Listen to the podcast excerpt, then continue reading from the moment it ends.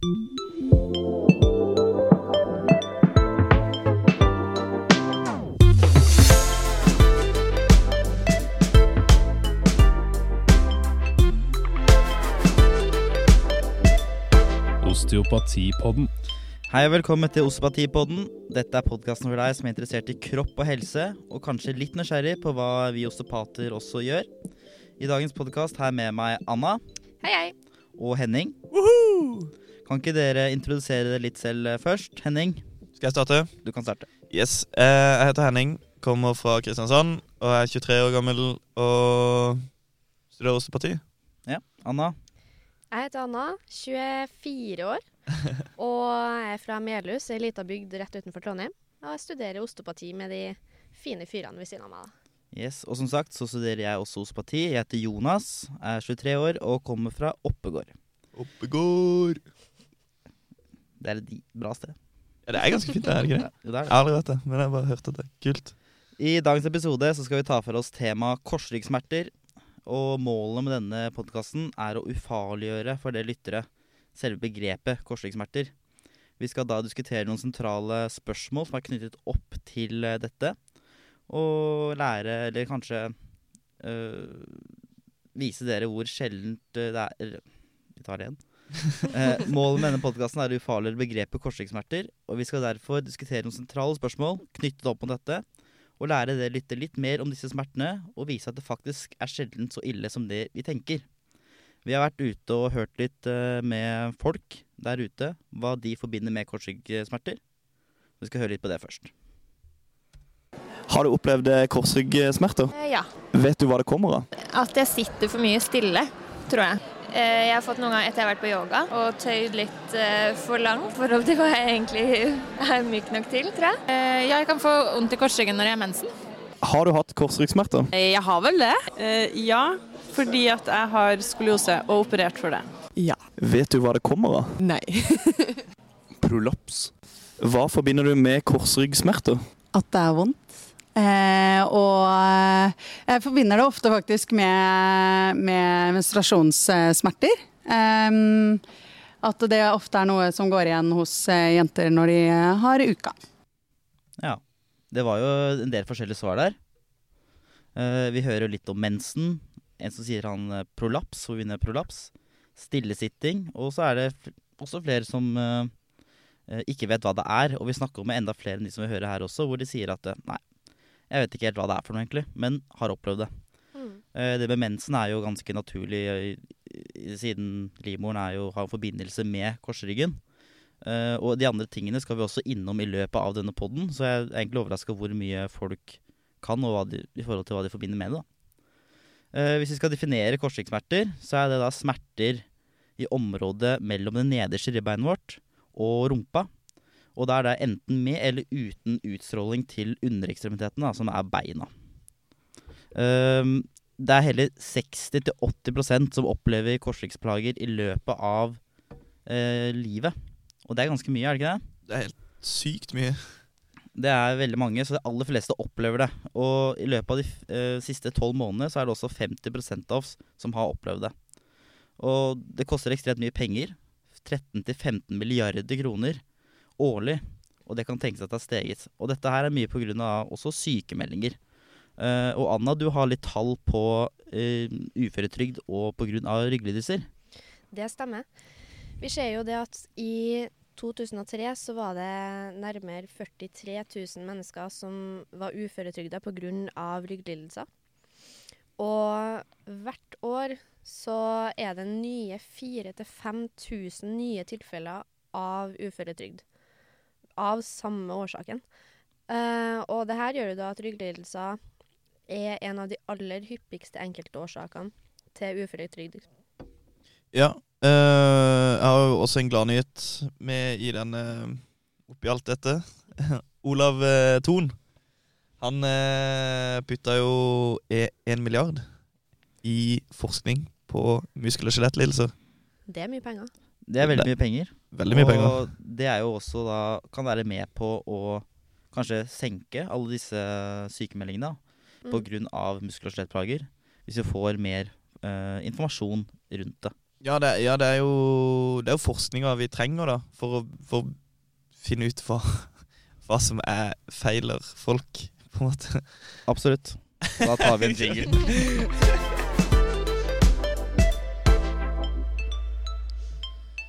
Eh, lave ryggsmerter det er et eh, voksende problem globalt, eh, men ikke i Norge. Så vi kan se at de antatte risikofaktorene for å utvikle korsryggsplager her i Norge, det har senket med rundt 50% Men likevel så er nedgangen på selve ryggsmertene på stedet hvil. Og Anna, du kan kanskje forklare, oss, forklare oss litt om risikofaktorer, og hvorfor det kanskje står på stedet hvil også? Absolutt. Vi ser jo bl.a. at eh, ugunstige arbeidsstillinger, tunge løft på jobb, eh, ergonomi og røyking egentlig har gått veldig kraftig ned. Mm. Eh, så det er bedring i de risikofaktorene, og det tilsier jo egentlig at ryggsmertene skal ha gått ned, i hvert fall i antall. Mm. For disse risikofaktorene er bevist at har en ganske stor sammenheng med eh, lave, eh, lave ryggsmerter. Absolutt. Og også i forhold til kosthold og fysisk aktivitet òg. der er vi ikke like gode. Nei. Vi ser jo det. Helsedirektoratet har vel fastslått at det kun er en tredel av Norges befolkning som oppfyller anbefalingene om fysisk aktivitet, som da er 30 min tre ganger i uka. Ja, og det er veldig lite. Jeg, jeg trodde det var, egentlig var bedre. Ja. Mm. Mm. Men uh, også det, det er jo en annen faktor som er veldig viktig, og det er jo det psykologiske. Mm. Eller psykososiale, som vi, eh, vi har mye om på skolen. Mm. Og det her kan jo kanskje være litt av grunnen til at ryggsmertene står på stedet hvil òg. For selv om vi har fått redusert de andre, altså la oss si gamle da, risikofaktorene i gåsøya, så ser vi jo det at det er veldig stort fokus på psykisk helse. Det er jo Mm. veldig i vinden for tida, og det er jo kjempebra. Og det er mange som er opptatt av Instagram og Snapchat, og i forbindelse med det her så er det også et stort kroppspress ute og går. Ja.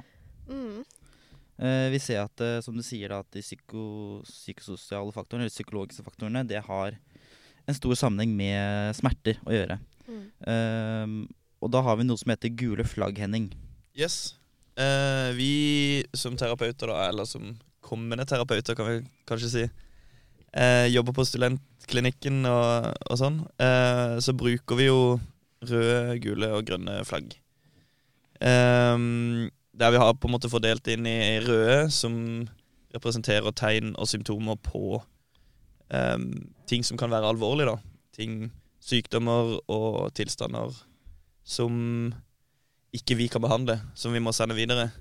Mm. Ehm, og så har vi de gule flaggene, som går på eh, psykososiale det er tegn og symptomer eh, vi får fra pasienten som sier noe om dette kan komme til å ta lang tid før pasienten blir bra igjen. da.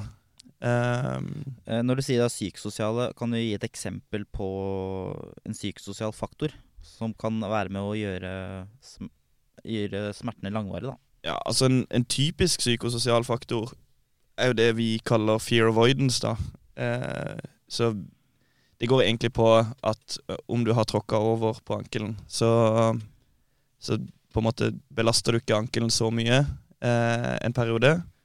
Det er jo egentlig ikke vits å, å på en måte skjerme den eh, ankelen mer enn to til tre dager, men når du begynner å komme på fjerde og femte uka, så bør det ringe noen bjeller. Og hvis det fortsatt er like vondt.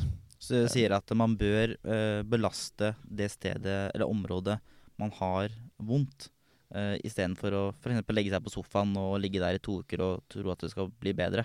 Ja, altså med mindre For vi starter jo med å, å utelukke um, de farlige tilstandene. Um, og med mindre man da ikke sant, har en um, ruptur i ligamenter eller knokke beinet eller sånne ting, når man kan utelukke det, så går man videre til de, de gule flaggene, eh, og da denne fear avoidance. Ehm, hvis du da har fått konstatert at du ikke har knokke, eller ikke, det ikke er noe strukturelt som er galt, og hvis du da på en måte skjermer denne ankelen over lengre tid, så vil jo den bli stiv og, og kjip å gå på og, og vondt. eh.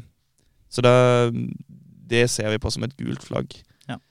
Eh, andre ting er jo type problemer hjemme eh, i det sosiale liv. eh, ting som, som absolutt påvirker eh, ens egen sinnsstemning. Mm. Skjønner. Eh, og så nevnte du jo de røde flaggene, at eh, det er eh, enkeltsymptomer som kan være tegn på alvorlig patologi. Men det er jo viktig at man ikke ser på ett symptom og tror at eh, det er noe alvorlig, alvorlig på gang. Ja, eh, absolutt. Eh, det er jo mange, mange som eh, er veldig glad i å google, google symptomer. Dr. Google. Eh, og der er det jo alltid sånn at eh, Ikke alltid, jeg skal ikke si alltid, men ofte sånn at hvis du googler et symptom, så er det alltid et tegn på kreft. Hvorfor, hvorfor er det sånn? Ja. Eh, men, eh, men det er iallfall sånn at eh, sett hver for seg, eh, så er ikke de symptomene så ille. Eh, men hvis du begynner å sette de sammen, og det er jo litt det vi driver med, at vi setter sammen de, de røde, de gule og de grønne flaggene, og, eh, og kommer fram til en på en måte prognose, da. Mm. Eh, hvor lang tid dette kommer til å ta. Er dette noe vi kan behandle? Er det noe vi bør sende videre? Alle disse tingene, da.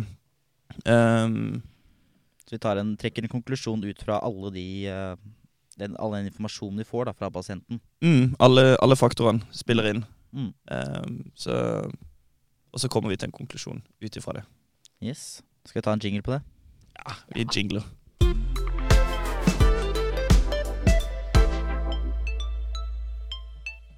På lik linje med at vi får rynker på utsiden, så får vi også rynker på innsiden av kroppen. Og dette er helt vanlig og er en del av aldringsprosessen som starter allerede i 20-årene. Um, og i disse tilfellene her så snakker vi om uh, korsryggen. Uh, og det jeg snakker om nå, er da degenerative forandringer. Uh, noen kan ha deg masse degenerative forandringer og ikke skjønne noe til smerter, stivhet, stivhet eller ubehag. Eh, hos andre så kan man ha en del smerter pga. dette. Eh, forrige episode så snakka de om bildediagnostikk, og det kom frem at man ikke alltid kan stole på de bildene eh, vi får tatt av skjelettet, altså MR. For det er nemlig slik at eh, bilde og smerte det har ingen sammenheng. Så de har gjort en studie eh, tidligere hvor de har tatt eh, flere mennesker som har, er asymptomatiske, altså de har ingen symptomer på eh, ryggplager, og tatt bilde av disse. Uh, og da så du det at uh, alle sammen hadde, deg- eller mange av de hadde da degenerative forandringer i ulik grad. Uh, noen hadde prolaps osv. Uh, uten at de hadde vondt. Um, og hva tenker dere om dette? For mange sier jo at de har uh, degenerative forandringer av ulike former, de har prolapser og sånne ting. For de har vært og tatt et MR-bilde hos legen. Men så, så ser de for seg da at det er grunnen til at de kanskje har eh, veldig vondt i ryggen. Men så er det egentlig ingen noe sammenheng. Anna? Det viser jo kanskje bare at det er veldig mye som ligger i huet i forhold til smertene. Altså de psykososiale faktorene Mm. tenker du på? Mm. Ja, Det er jo ganske komplekse saker som regel. Eh, og det er jo mye av det vi driver med når vi, som jeg sa om, at vi setter alle tegn og symptomer sammen. Så er det jo ikke alltid at det, det er noe strukturelt galt, men at det kan være andre eh, ting som påvirker en mindre ting. Eh, og gjør den lille tingen veldig stor, på en måte. Eh, du hadde et bra eh, bilde på det, Anna. Absolutt. Eh, hjernen vår fungerer jo på en måte som en forsterker. Så det er jo sånn at jo mer du bekymrer deg og tenker på smerta di, desto verre kan den bli, da. Mm. Eller desto verre kan den oppleves. Ehm, så vi anbefaler egentlig ikke noen å gå og ta et MR-bilde eh, hvis det ikke er noe veldig alvorlig.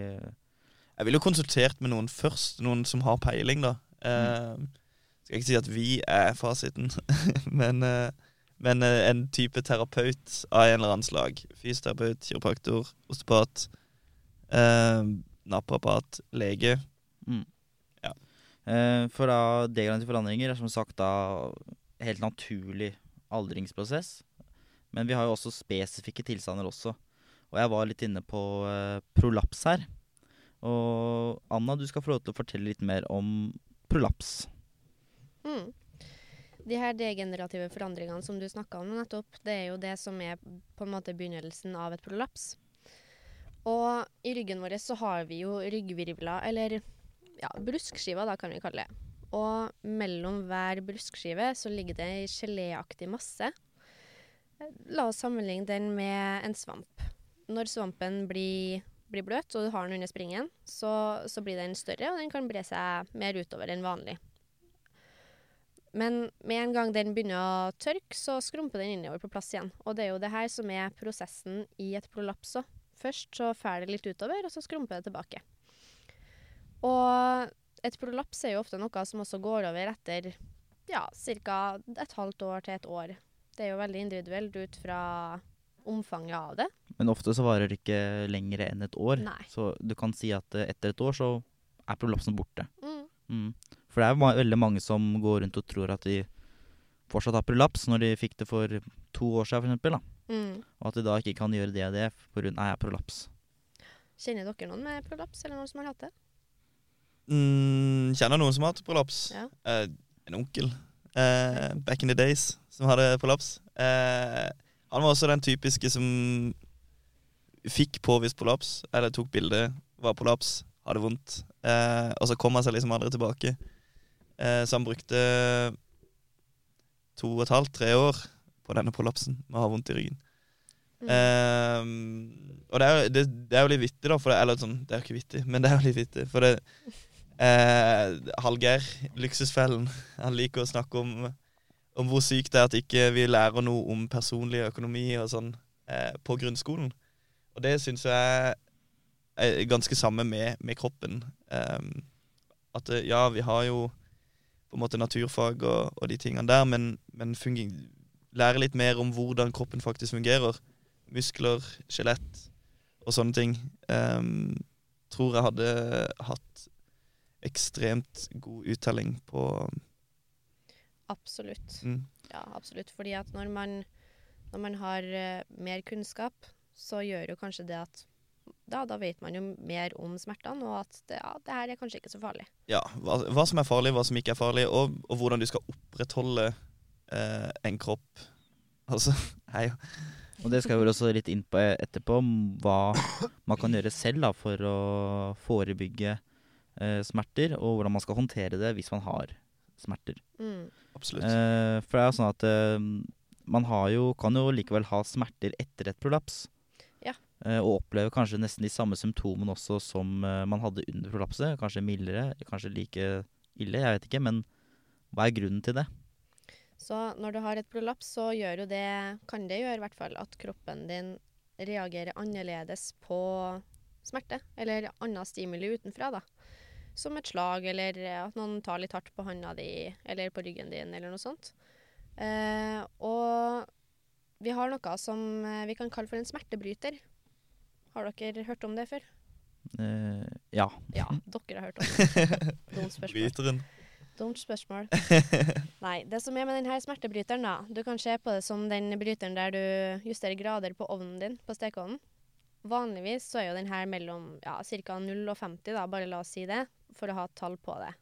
Vanligvis, når du ikke har noe patologi, som vi kaller det, i kroppen, så er den mellom 0 og 50. Men ved et prolaps, da, eksempel, og i forhold til smertene som er etterpå, så kan denne bryteren variere mellom 30 og 70.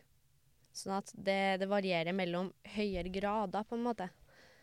Og det her gjør jo da at kroppen kan, ja, som jeg sa i stad, reagere på ting den vanligvis ikke reagerer på, og derfor så kan du også få de smertene du har hatt tidligere, da, over lengre tid. Eh, vi skal litt videre, og vi har også en annen spesifikk tilstand som vi har lyst til å snakke litt om. Og det er eh, isjas. Og det har vi hørt eh, en del ganger, dette begrepet.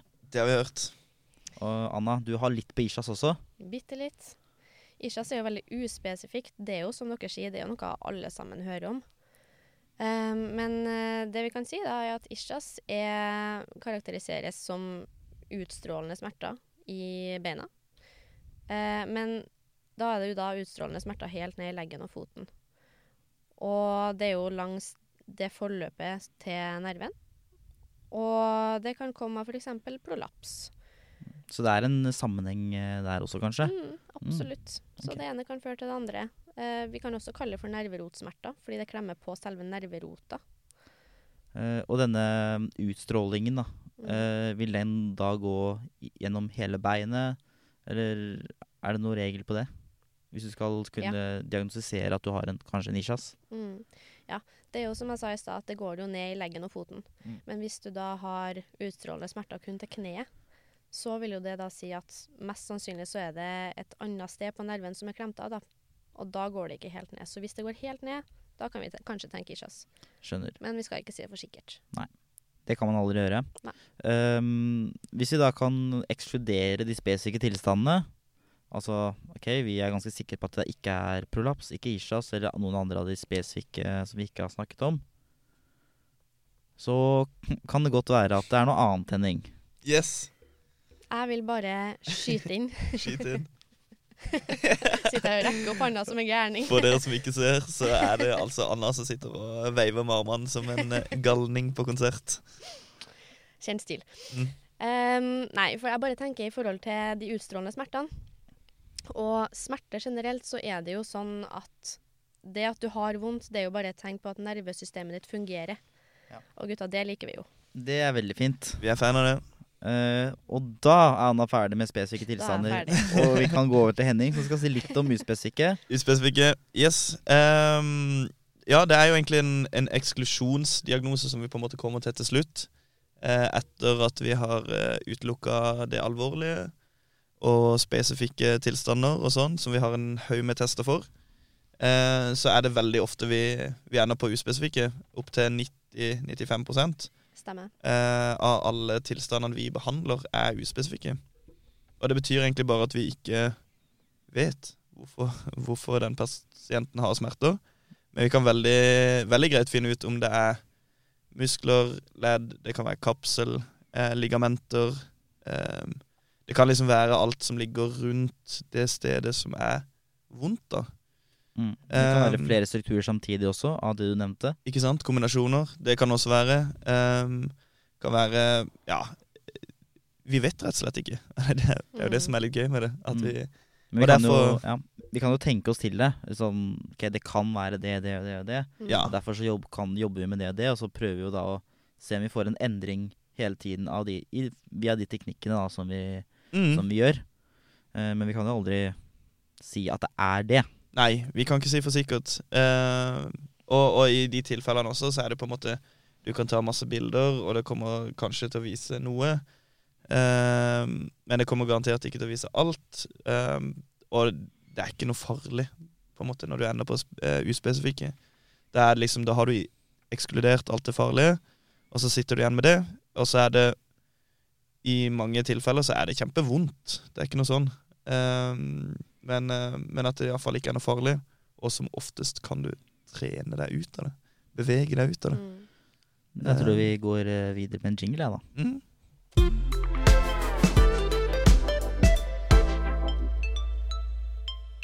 Vi er snart ved veis ende, og vi skal snakke litt om på slutt til slutt her hva osteopaten kan bidra med, og også pasienten. Woohoo.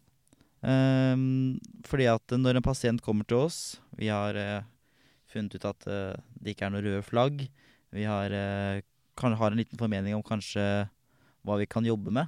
Mm -hmm. um, så kan vi gjøre vår del, og så må pasienten gjøre sin del. Kan ikke du si litt mer om det, Henning? Jo, det er jo vår og pasienten sin del. Vi sier vel at selve behandlinga vår er vel altså 10% er det det? Og så må pasienten gjøre resten selv.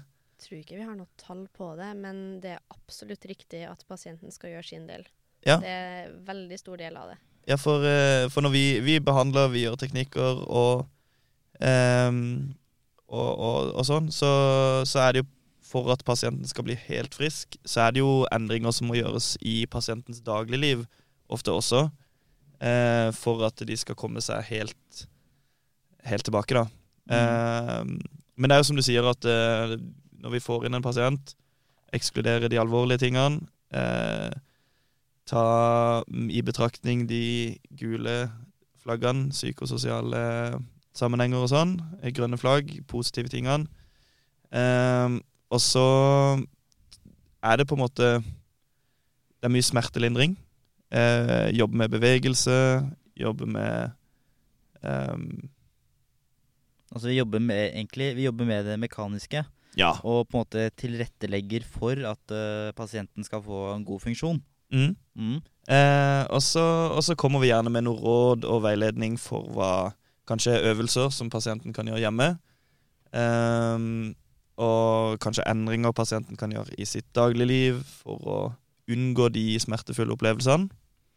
Og det er jo veldig viktig å poengtere at vi ønsker jo å oppnå normalen for pasienten. For det som er normalt for deg, f.eks. For eksempel, i forhold til behandling, det er jo ikke normalt for meg. Vi har jo forskjellige kropper.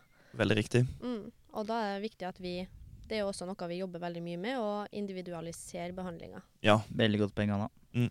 Eh, For ingen er like, og det er viktig å tenke på hele tiden. Mm. Eh, ingen er symmetriske, og vi ser ikke ut som eh, denne da Vinci-figuren som man ofte forbinder kroppen med. Nei. ja.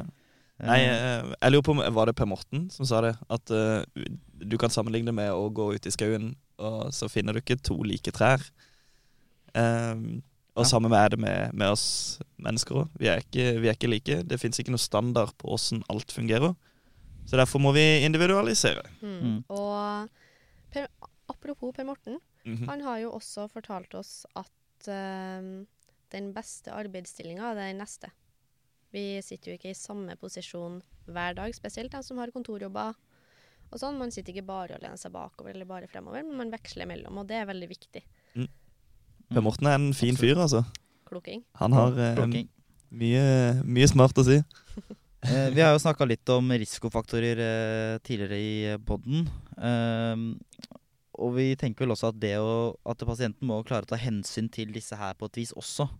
Eh, hvis man røyker, så slutt å røyke, f.eks. Men også er dette eh, med fysisk, fysisk aktivitet er det smart sagt. Men også fysisk aktivitet er jo noe vi har lyst til å snakke litt mer om, for det er jo ekstremt viktig i forhold til å forebygge eh, smerter og eh, rett og slett un unngå det. Absolutt. Er det noen som har lyst til å si noe om det? Eller? Smerte er jo veldig subjektivt. Mm. Og da er det viktig at man eh, gjør det man kjenner går greit. Mm. Men man skal ikke være redd for smertene når man er i aktivitet heller. For det er som oftest sånn at aktivitet hjelper. Det er Absolutt. ytterst, ytterst, ytterst få tilfeller at det ikke hjelper. Og så er det det at uh, skjelettet vårt og ryggen er jo Det er jo reisverket til kroppen. Mm. Og tåler ekstremt mye belastning. Mye mer belastning enn det folk tror. Så det å belaste skjelettet jevnlig, det er, har bare positive fordeler. Og vil være med på å minske risikoen for da korsryggplager og andre plager. Uansett hvor på kroppen. Også det psykiske er, vil eh, bedres. Det mentale helse vil bedres ved å være mer fysisk aktivitet. Mm, for det skilles ut endorfiner. Og det gir jo godfølelsen, som vi alle kjenner til. Mm. Og det som du sier, det kan jo booste litt i forhold til den eh, psykiske helsa også. Så hvis vi skal oppsummere litt, da. Nå har vi to minutter igjen på oss, og oppsummere litt eh, hva vi har snakket om i dag. Mhm. Så kan jeg starte med å si at eh, det er en multifaktoriell letologi, så det er blanding av det mekaniske og det psykososiale som kan spille inn på pasientens opplevelse av smerte. Anna, har du noe du vil si eh, før vi er ferdig? Jeg vet ikke om jeg sa det i stad, men prolaps er jo ikke farlig. Man hører jo veldig ofte at folk har vondt i ryggen, og så sier man at ja, kan kanskje være prolaps. Men prolaps er ikke farlig. Det er bare det at det er, det er veldig vondt, men ikke noe farlig. Fortsett å bevege deg. Det er motion is lotion. Mhm. Motion is lotion. Motion is lotion.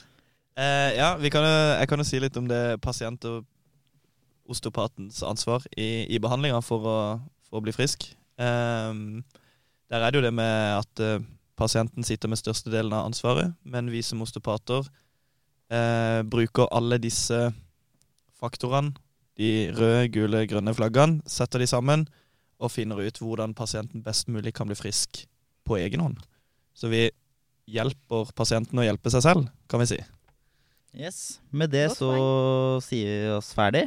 Mhm. Takk for en uh, hyggelig halvtime med dere. Det har gått fort. Det har gått veldig Det var fort. veldig hyggelig. Så håper jeg at dere likte, liker podden, og at dere hører på flere episoder som kommer senere. Gjerne send inn spørsmål på Facebook-sida vår. Spørsmål. Spørsmål. Vi Mhm. svarer gledelig på det. -hmm. Så send i vei. Yes. Ha det. Ha det. Ha det.